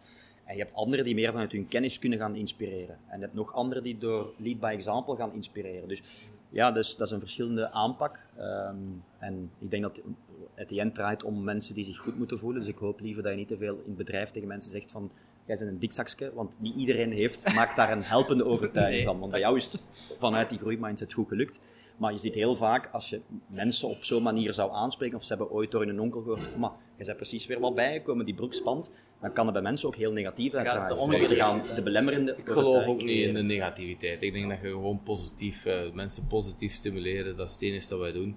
Bij ons is dat, ik zeg altijd van, van ons eten, het, ja, het is gezond, maar hè, mensen zeggen dan, maar ja, het is lekker. Zeg, maar ja, als het niet lekker is, het is gezond. Dus je hebt altijd gewonnen. Ja, en dan lachen de mensen zo, hè, terwijl mijn filosofie is van waarom kook ik zo de manier dat wij bij Foodmaker koken. Dat is omdat ik dat zo lekker vond. Als ik 12-jarige was en ik kon al die groentesalades, dan moest er geen mayonaise op, want ik vond mayonaise niet lekker, omdat je dan alleen mayonaise proeft. Dus bij mij is de filosofie zo van, hier komen mensen binnen, en ik heb laatst uh, een, een mens die heeft een pizzaketen, en die kwam hier binnen en die zei, ik heb nu al twee keer vegan gegeten, hier. En ik hij zegt, ik zei, moest je hier nu vegan restaurant opzetten? Ik zou niet binnenkomen. En dus daarom zeg ik, wat, hier staat niet vegan restaurant op. Je komt hier binnen, je hebt hier een lasagne. Maar wel een lasagne met verse tomaten. En die smaakt even goed als die lasagne van, van ergens anders. Maar daar zit geen suiker in, zitten geen bewaarmiddelen in. Dus in die end is dat even lekker, maar het is wel gezond. En dat vind ik zo van, ik moet toch niet zeggen van, je mocht niet dit of je mocht niet dat. Ik kan alleen maar het voorbeeld geven hoe dat wij het doen. En zeggen, hey, wauw, dat is tof. Ik ga meelopen. Of, hey, ja, die gratis fiets, geeft je mij dat. Maar ik hem wel in, in de kast zetten. Hè? Of in mijn living voor te stoeven. Dat zou ook een reactie kunnen zijn. Hè? Ga ik het niet van zeggen, hey, dat mag niet. Hè? Wij hopen natuurlijk dat je zoveel mogelijk met die fiets gaat fietsen. Maar de meeste mensen doen dat dan ook wel hoor. Daar geloof ik ook heel, heel sterk in, is dat je, als je mensen coacht, het gaat niet om dingen afnemen, want dat werkt niet. Ga dingen toevoegen. En als mensen inderdaad toch nog wat geraffineerde koolhydraten eten of te vaak op een dag, ga eens wat meer groente gaan toevoegen. Ga een avocado toevoegen, ga dat toevoegen. En zorg dat ze op die manier ook stapjes vooruit kunnen zetten. Ga ze s'avonds, eh, iedereen weet dat schermpjes niet, niet zo goed is of slecht is richting de aanmaak van slaaphormoon. Dus richting jouw recuperatie en zo verder, slaapkwaliteit, frisheid voor de dag erna. Maar toch zitten we s'avonds met één scherm en misschien wel twee, drie schermen tegelijkertijd je moet niet aan mensen gaan zeggen van stop met Netflix kijken, want dat gaat niet lukken. Maar je kan mensen wel gaan adviseren om bijvoorbeeld het laatste uur voor het slapen gaan, alles met andere zaken bezig te zijn. Naar mondhygiëne, tandhygiëne, slaaphygiëne. Of tegenwoordig van die blue light filterbrillen die ook al een stukje de schade kunnen tegengaan. Dus ga in je coaching ga ik altijd proberen om zaken toe te voegen, waardoor het haalbaarder wordt voor de mensen. Want afnemen, als ik u dat afneem, dan gaan we waarschijnlijk geen beste maatjes worden. Is dat echt verzet wat je dan merkt? Als je zo, want bijvoorbeeld jij specifiek, eh, als we- dan echt, over intermittent living gaan, bijvoorbeeld die ijsbaden, ik neem aan dat het ook heel veel afschrikt. Ja. Dingen die je moet doen en dingen die je afneemt dan ook. Ja, maar nu neem, nu neem je een heel extreem voorbeeld. Uiteraard, ik denk ja. sowieso, hè, voor, de, voor de luisteraars die intermittent living niet kennen, intermittent, zeg het zelf, eh, om een stukje weg te gaan uit die moderne maatschappij waar dat altijd alles aanwezig is. Heel dag door eten, heel dag door zitten, eh, nooit geen cognitieve prikkels meer. Ja, ons brein is overgestimuleerd, maar echt nog nadenken en ons brein challengen, waardoor we juiste beslissingen onder tijdsdruk kunnen nemen, dat kunnen we veel minder op vandaag. We leven altijd in 20, 21 graden. En als we in de winter buiten komen en het is wat kouder, ja, dan vallen we door de mand. We kunnen niet meer nadenken, we hebben te kou en we choken eigenlijk. En omgekeerd, als het te warm is, net hetzelfde. En dat is een stukje wat intermittent living doet, is dat je gewoon intermitterend, dat lichaam is terug wat gaat ehm, ja, stretchen, uit die comfortzone even stretchen, om op die manier terug sterker te worden. En ik, wij geloven er heel sterk in binnen de KPNO, dat intermittent living een manier kan zijn om van nou ook mensen hun mentale gezondheid terug te verbeteren. Want als ik een sterker lichaam heb, doordat ik het prikkel met verschillende manieren, en daar hoort gezonde voeding en vaak bewegen bij, maar je kan bijvoorbeeld ook al eens starten met koud afdouchen. Dus je moet niet naar een extreem zoals een ijsbad gaan. Je gaat gewoon s ochtends al eens proberen op het einde koud af te douchen. Een- onderzoek in Amsterdam op 3000 werknemers heeft aangetoond dat 30 op een van de dagen 30 seconden koud afdouchen al voldoende is om 29% minder ziekteverzuim te hebben. Dat zijn cijfers waar bedrijfsleiders ook wel ineens hun aandacht op vestigen. En ze gaan dan in de eerste plaats best zelf ermee aan de slag. Dat ze voelen wat het voor hun energie doet. Hè, want ochtends die koude douchen, cortisolpiek, meer energie, uitgerust.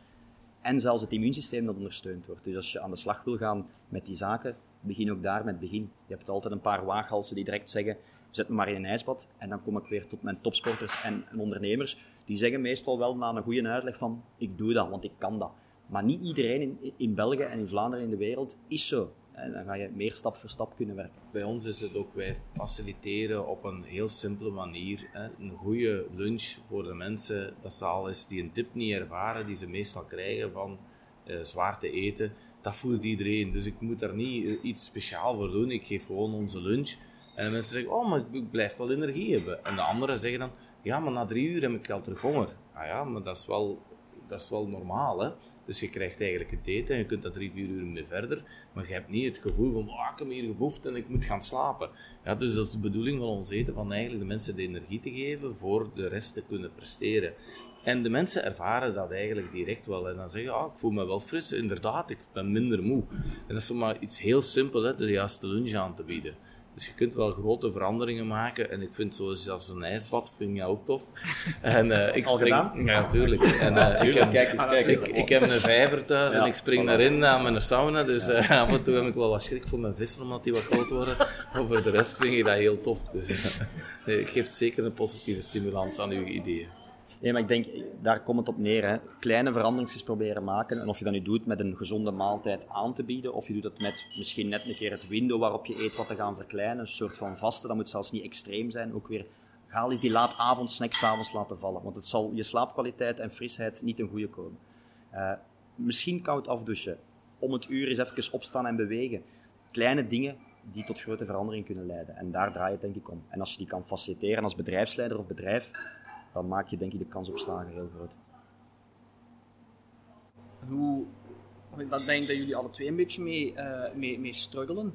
Ehm, jullie kunnen dat doen binnen jullie bedrijf, hè, of binnen, binnen een, paar, eh, een paar ondernemers die jij kan coachen op een jaar, een x aantal mensen, ik weet niet hoeveel jij, dat je bedient op om een jaar tijd. Maar dat, hoe, hoe kunnen jullie dat laten opschalen? Want uiteindelijk, Dat is altijd bij ons het idee geweest. Ehm, ik heb een keuken gebouwd waar wij 100.000 maaltijden kunnen maken voor de mensen in Europa die gezondheid willen hebben, van die te kunnen faciliteren. Mijn droom was niet van een paar mensen te veranderen, was gewoon van een totaal maatschappij te veranderen. Wij zeggen ook van oké, McDonald's haalt ons dikwijls aan, waarom zeggen jullie zo rond? Wij willen die referentie van de markt die negatief was, hè, met, met ongezonde voeding, die willen wij aanvallen, willen wij zeggen. Wij willen de referentie zijn van de markt met gezonde voeding. In Parijs maken wij meer momenten van eten dan wel McDonald's. Ja, dat is wel een achievement. Dat is niet in België, dat is in Parijs. Dus je kunt een enorme change doen met je filosofie, Daarom moet je niet, zoals u, iedereen gaan coachen. Nee, wij zetten een change in, in een stad of in een land. En wij bieden dat dan ook gewoon gratis aan ter beschikking via zo'n app, waar wij ook gaan, gaan helpen met gewoon de basis. Wilt je verder gaan, dan moet je naar Siebe en dan moet je, gaan zeggen, ik heb een coach ik heb, als je specifieke problemen hebt, mijn broer is osteopaat, die gaat ook zoeken, zo van, oh lieve nieuwe rug, je hebt er altijd last van. Maar van waar komt dat nu? Is dat nu letterlijk uw hernia of van welk orgaan werkt er niet goed? Dat zeg ik ook, maar dank u wel voor eens naar de oorzaak te zoeken. Dan wel te zeggen, steek er wat cortisone in en je hebt er drie maanden geen last van. Ja, ga proffen. Dus dat vind ik eigenlijk wel... Denk dat de mensen ook wel wat aan het opvoeden zijn naar die dingen van... Ja, je kunt niet alles veranderen, maar je kunt toch wel ook wel eens kritisch nadenken. En die verandering willen wij ook brengen. Hè. Met KPNI Belgium, waar ik, waar ik heel vaak mee samenwerk, dat is een opleidingsinstituut. En dat wil letterlijk mensen en maatschappij in verandering brengen. Dat betekent dat wij verschillende strategieën hebben. In de eerste plaats gaan wij ons focussen op andere coaches en therapeuten en opleiden in die wetenschap, in die visie. Op die manier hebben zij op hun beurt 200, 300 klanten die, of trainees of coaches. Dus zo kan je sneller impact uh, maken. Daarnaast uh, is het ook een bewuste strategie om die bedrijfsleider te gaan inspireren omdat die op zijn beurt ook weer die werknemers kan gaan inspireren.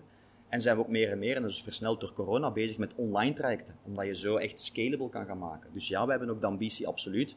Hè, want de coachrol is één, dus daar ben ik ooit begonnen. Maar meer en meer in dat verhaal komen van hoe kunnen we op maatschappelijk niveau, op, op grotere schaal, mensen echt gaan veranderen. En vooral door te inspireren. Ja, ik vind ook zo, zo de verhalen van onze biovelden, van de zoetpatatten, daar kun je nog de duurzaamheidsmodel aan doen.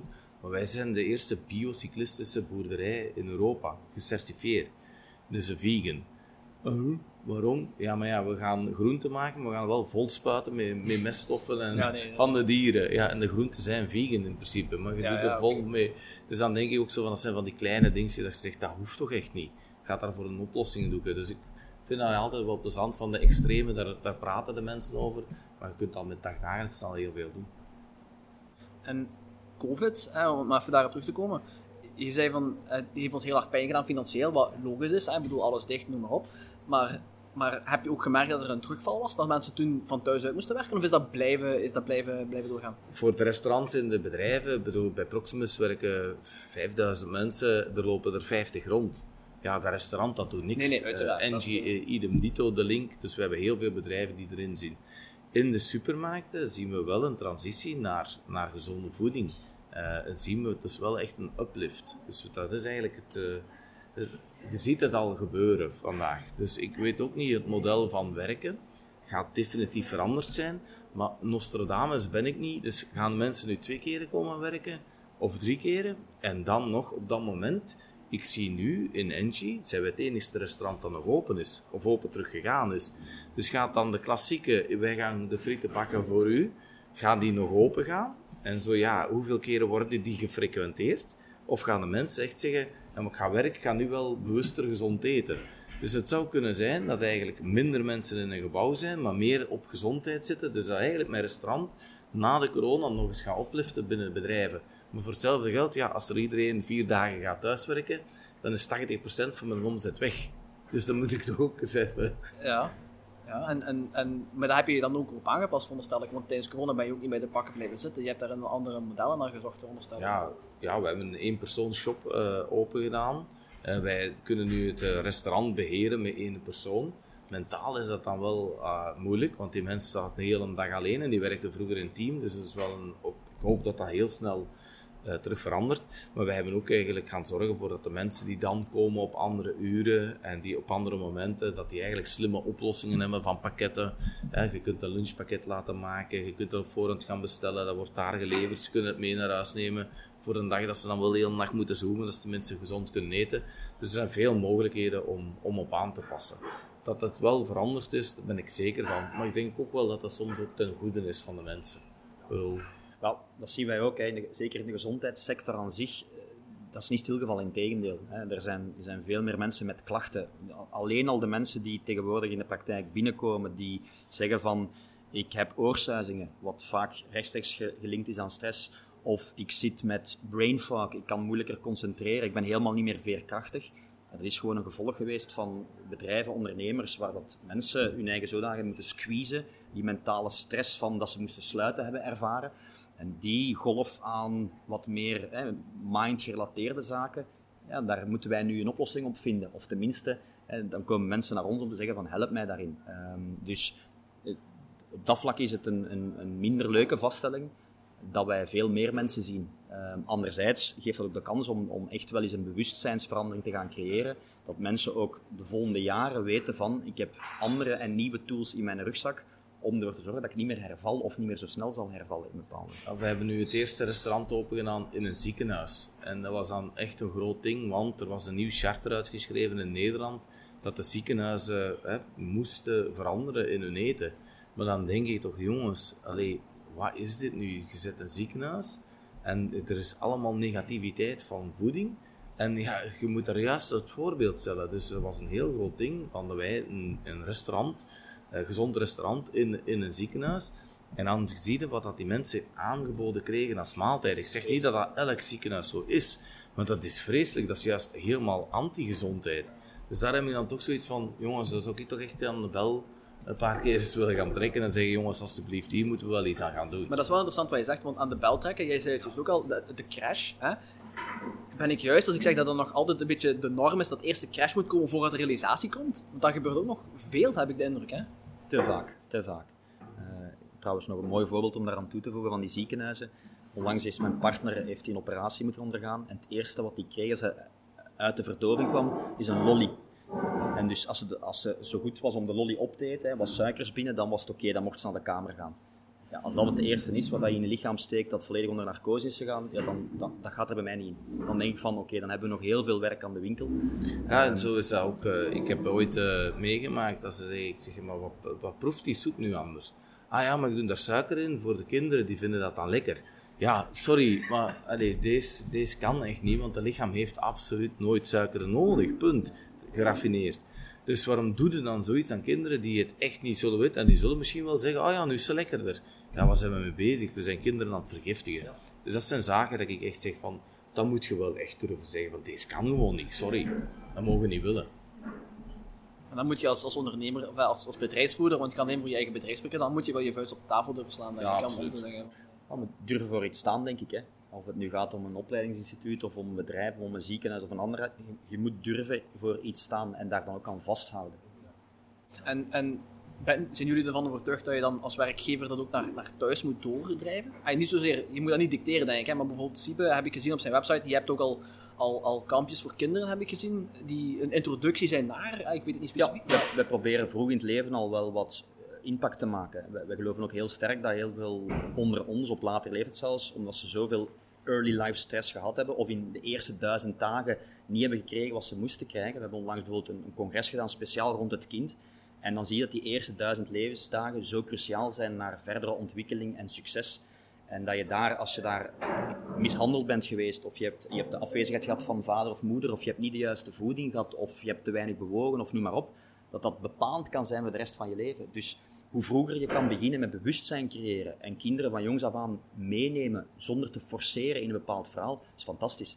En dan denk ik dat dat begint bij de rol van ouders, de rol van scholen en zoveel verder. Wij hebben daar bij de scholen ook echt op ingepikt en wij zien dus die jeugd die is echt aan het veranderen. En we hebben nu in een klaslokaal een foodmaker geïnstalleerd. Dus dat was echt in functie van reuse. Als wij onze foodmakers aan het ombouwen waren, hebben we gewoon gezegd, ja eigenlijk is dit materiaal allemaal nog goed. Kunnen we dat niet hergebruiken? En hebben we dat aangeboden aan, een school, uh, gratis. En dat was de eerste, ondertussen hebben we er acht. Dat was de school in Tessenderlo van een schoolgroep. En die mannen die lopen dus nu met een foodmaker web over de, over de speelplaats, heel stoer te wezen, waar die vroeger met een Red Bull over de foodmaker, ja, over de speelplaats. Dus dan heb ik wel liever dat ze dat doen. Dus die kinderen, als je ze vroeg genoeg mee hebt, dan leer je dat wel. Op Werchter zijn wij overdag de meest bezochte stand. Nu, als ik vroeger naar Werchter ging, dan was dat niet om gezond eten te Ja, dat was er zelfs niet. Nee, dat was maar nu, als het dan 20 graden of 25 graden is, is het saladebar. Al die mannen die staan allemaal in de rij, hè. En dat is de transitie. Dus als je het aanreikt, dan, dan gaan die kinderen wel mee. Dus wij zijn daar heel bewust mee bezig, met kinderen. En doe je dat met je werkgevers ook? Dat je, dat je bijvoorbeeld een bepaalde dienst aanlevert, een meeneempakket of weet ik veel wel? Of, of is, dat, is, dat, is dat een stap te ver volgens jullie? Zou dat wel willen. Wij, bij ons hebben ze gratis voeding voor hun eigen en ze mogen het ook aan een symbolische euro meenemen. Dus hoe meer, hoe liever. Uh, maar ik ga daar echt niet, niet, niet op werken, want dan is het precies zo van, je, je bent hier heel de dag aan het koken, gezond, moet thuis dat dan ook nog doen. Dat is toch zo'n beetje. En als je nogmaals een merendeel van de dag in een gezonde setting zit en gezond eet en wat beweegt, dan is dat avondgedeelte, wat beperkt aantal uren per dag zijn, al die maaltijd daar die misschien minder goed is, veel minder nefast. Maar de kans is groot, denk ik, dat als je mensen overdag mee in een gezond verhaal neemt, dat ze s'avonds ook al eens bewuster gaan nadenken. Als ze in de supermarkt staan van, ga ik voor die pasta kiezen met dat, of ga ik nu die zoete aardappel pakken of die een bloemkool en ga ik daar iets mee gaan klaarmaken. Dus ik denk wel dat daar door op het bedrijf op te focussen, het andere automatisch veel meer komt. Ja, ik denk inderdaad ook wel. Het is inderdaad, gelijk je zegt, dat, allee, jong geleerd is oud gedaan. En ik merk het ook in de, in de klas van mijn dochter. Mijn dochter is zes. Sommige kinderen die hebben, die hebben de afgelopen vier jaar nog nooit iets anders gedronken dan cola. Ik bedoel, dat, dat zijn dingen... Ik vind dat ongelooflijk ook. En, en, en met de scholen ook. Hè. Alsjeblieft, zorg daarvoor positief. Er zijn mensen die, die niet de middelen hebben om, om eten mee te geven en zo. Maar als je dan als school de negativiteit nog eens faciliteert, dan zullen ze het zeker niet leren. Dat ze van thuis uit niet, niet uh, zoetpatat gewoon zijn om te eten, de ene wel, de andere niet, dat begrijp je. Maar probeer dan als school dat te stimuleren met de juiste keuzes en de juiste menus. vind ik heel belangrijk. Wij zijn ook bezig met een project voor zo heel goedkoop uh, maaltijden aan te bieden aan de scholen. Ook op grotere schaal, om te zien dat we dat kunnen. Ik vind dat gewoon schrijnend dat er sommige mensen gewoon zonder met lege boterham of met gewoon ja, een Snickers of wat is dat erin steekt. Ja, ga maar naar school. Ja, dat is, dat is verschrikkelijk. Dat zou niet mogen. Dus maar school geeft dan het voorbeeld. Als bedrijf ook.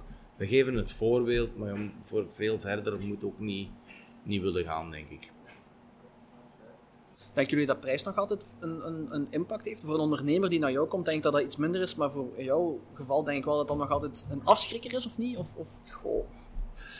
Ik denk dat de mensen bewust zijn, maar als ik dan nu zie wat er in de wereld gebeurt, als je nu dan weer een oorlog ziet, ik krijg ik een telefoon, ja, maar mijn kip, uh, we kunnen geen kip niet meer leveren, want uh, we moeten allemaal naar, naar Oekraïne leveren. Dan denk ik zo van, mensen, waar zijn we nu mee bezig? Zo, bedoel, wat heeft mijn Europese kip te maken? Ja, Oekraïne ligt ook in dingen, maar ze gebruiken en misbruiken situaties om prijsstijgingen en zo door te doen. En in die end, wij zitten met kwaliteit en ik zit in het duurste land van, allee, een van de duurste landen van Europa met arbeid. Ja, dus uw grondstof en uw arbeid heeft een prijsimpact. Dus daar, daarmee word ik geconfronteerd. Dus ik doe mijn best voor dat zo laag mogelijk te houden. Als je zegt iedereen gezond, dan moet je niet zeggen, ja, het is alleen maar voor de rijke mensen. Nee, dat is dat. Dus dat is voor ons een eeuwige, echte oefening waar we heel hard en heel efficiënt op aan het werken zijn prijs en geld is altijd bepalend. Hè. Als je kijkt in de wereld, de kloof tussen arm en rijk, dat is bepalend door geld. En geld geeft mogelijkheden om dingen te doen. Dus mensen gaan altijd die prijs gaan bekijken. Ook al hebben ze geld, gaan ze toch kijken van hoe duur is dat en kan ik daar goedkoper of niet. Tenzij je mensen natuurlijk kan overtuigen van iets. Um, en je moet ook altijd, niet altijd geld betalen om gezond te kunnen zijn. Gaan lopen, zoals Lieve zegt daar straks. Kost niks. Kost niks een ademhalingsoefening doen kost niks. Je doucht waarschijnlijk toch één keer per dag om de twee dagen. Die koud afdraaien, dat, kost niks. Dat is goedkoop. Ja, dat is goedkoop. dus op, op, er zijn altijd oplossingen.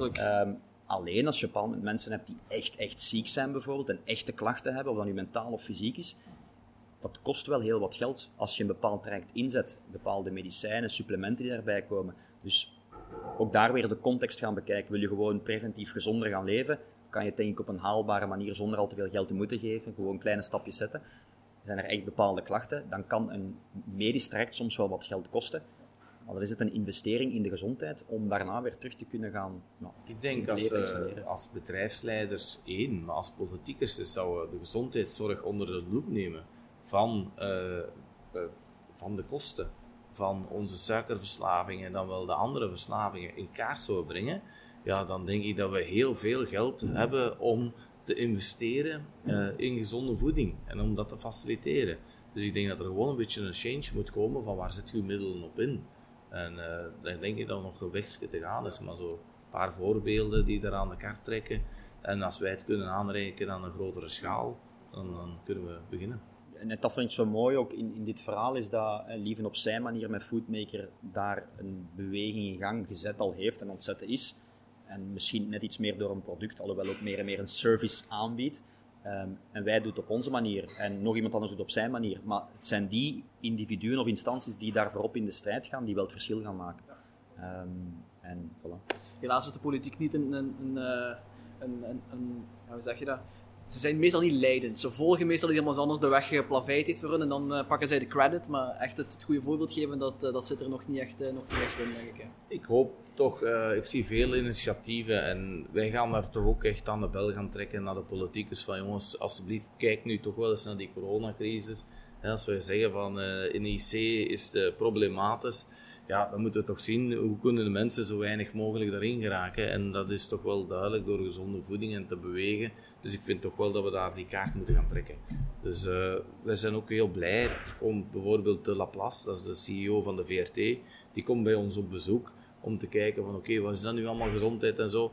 Ik zie die twintig jaar geleden niet geen interesse hebben om, om eens te komen op bezoek komen naar een gezond bedrijf. Ik bedoel, dat zijn toch wel allemaal grote signalen dat er toch wel een serieuze movement Absoluut. Uh, gelukkig in gang gezet aan het zetten is.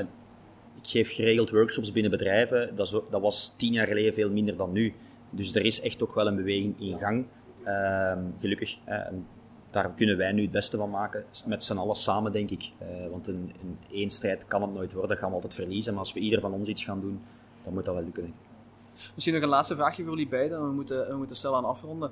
Um, wat zijn zo de, de, de laagdrempelige stappen die de, die de meeste bedrijven kunnen nemen, want dat hangt uiteraard heel zwaar vanaf van uh, hoe en wat, om, om in die richting te gaan, zonder dat ze te veel moeten investeren of wat dan ook. Zo de laagste drempel die, die, die mensen, bedrijfsleiders kunnen nemen richting een, een, een gezonder... Uh... Ga bij Sibyl beginnen. we zeggen, we gaan hem als voorbeeld nemen, daar ga ik wel op inpikken. Ik denk in de eerste plaats dat je, dat je als bedrijfsleider hè, de cultuur van je bedrijf wil gaan veranderen. Um, en dat die norm nu aanzien wordt als zijnde stilzitten op je stoel en je flesje water bij je hebben, om de zoveel tijd een koffie drinken en misschien eens een, een koekje om de zoveel tijd, dat dat oké is, dat je dat wilt gaan veranderen. Dat je daar een verandering wilt gaan creëren. En dan zijn er verschillende mogelijkheden, denk ik, maar het begint altijd bij bewustzijn creëren, bij inzichten creëren, bij op een manier inspireren. En daar kan je dan bedrijf bij gaan helpen door instanties, coachinginstanties, die zeggen van kijk, we gaan kennis overdragen. We gaan bijvoorbeeld beginnen met het management. Het, topmanagement of middelmanagement ga je gaan toespreken, gaan coachen een stukje, dat zij daarmee aan de slag gaan. En op die manier gaan ze het ook kunnen gaan af, weerspiegelen op hun werknemers die onder hun werken. Um, dus aan de hand van bewustzijn creëren en dan daar acties aan koppelen en dan als bedrijf gaan faciliteren. Want daar draait het denk ik om. En die drie zijn heel belangrijk in het verhaal. Dus bewustzijn creëren, inzicht creëren, acties aan koppelen en dan gaan faciliteren. Bij ons is het een, uh, ik weet dat, dat dat is echt een woord, maar gratis dat helpt ook. Bij ons hebben de mensen gratis gezonde voeding. Willen ze een snicker kopen, die is nu bij ons niet te koop, maar dat zouden we dan niet faciliteren. Dus we hebben ook uh, de activiteiten die wij allemaal doen van sport, die zijn allemaal gratis. En voor de, in de midden dat het kan met de planning, ook nog eens tijdens de uren. Ja, zou ik het wel weten, moeten werken of mogen gaan wandelen? Ik bedoel, ja, kies dan ook voor het wandelen. Op dat moment is dat wel hè, een, een ding dat het eigenlijk gemakkelijker maakt om te doen. Dus ik probeer er echt in te kijken, wat kunnen wij nu? Want ja, wij moeten onze salades maken. Als er iemand in het bedrijf is om ze te maken, dat gaat hem ook niet worden. Maar je kunt daar wel kritisch over nadenken. Ik heb laatst ook een, tijdens corona heel hard nagedacht. Zo van, oké, ik heb hier 300 vrouwen. En elke zaterdag was een issue. Want de mensen hebben een werkweek van maandag tot vrijdag. Dan heb ik gewoon echt gaan nadenken van, kan ik dit nu veranderen? Kan ik die zaterdag uitsluiten? En met een beetje gepuzzel hebben we die zaterdag uit en loopt iedereen met een smile op. En hebben ze eigenlijk die zaterdag om te spenderen aan iets dat ze willen. Is dat nu koken of is dat nu te sporten? Ze hebben een extra dag, want moesten vroeger zaterdags komen werken. Dus zo zijn er eigenlijk dingen. Denk goed na wat dat je wel kunt doen. Want het is heel gemakkelijk eh, te zeggen van, ja, die dit, ik kan niet dit, ik kan niet dit. Nee, denk wat je wel kunt doen. En begint dan met water gratis aan te bieden, of een lunch, of sport.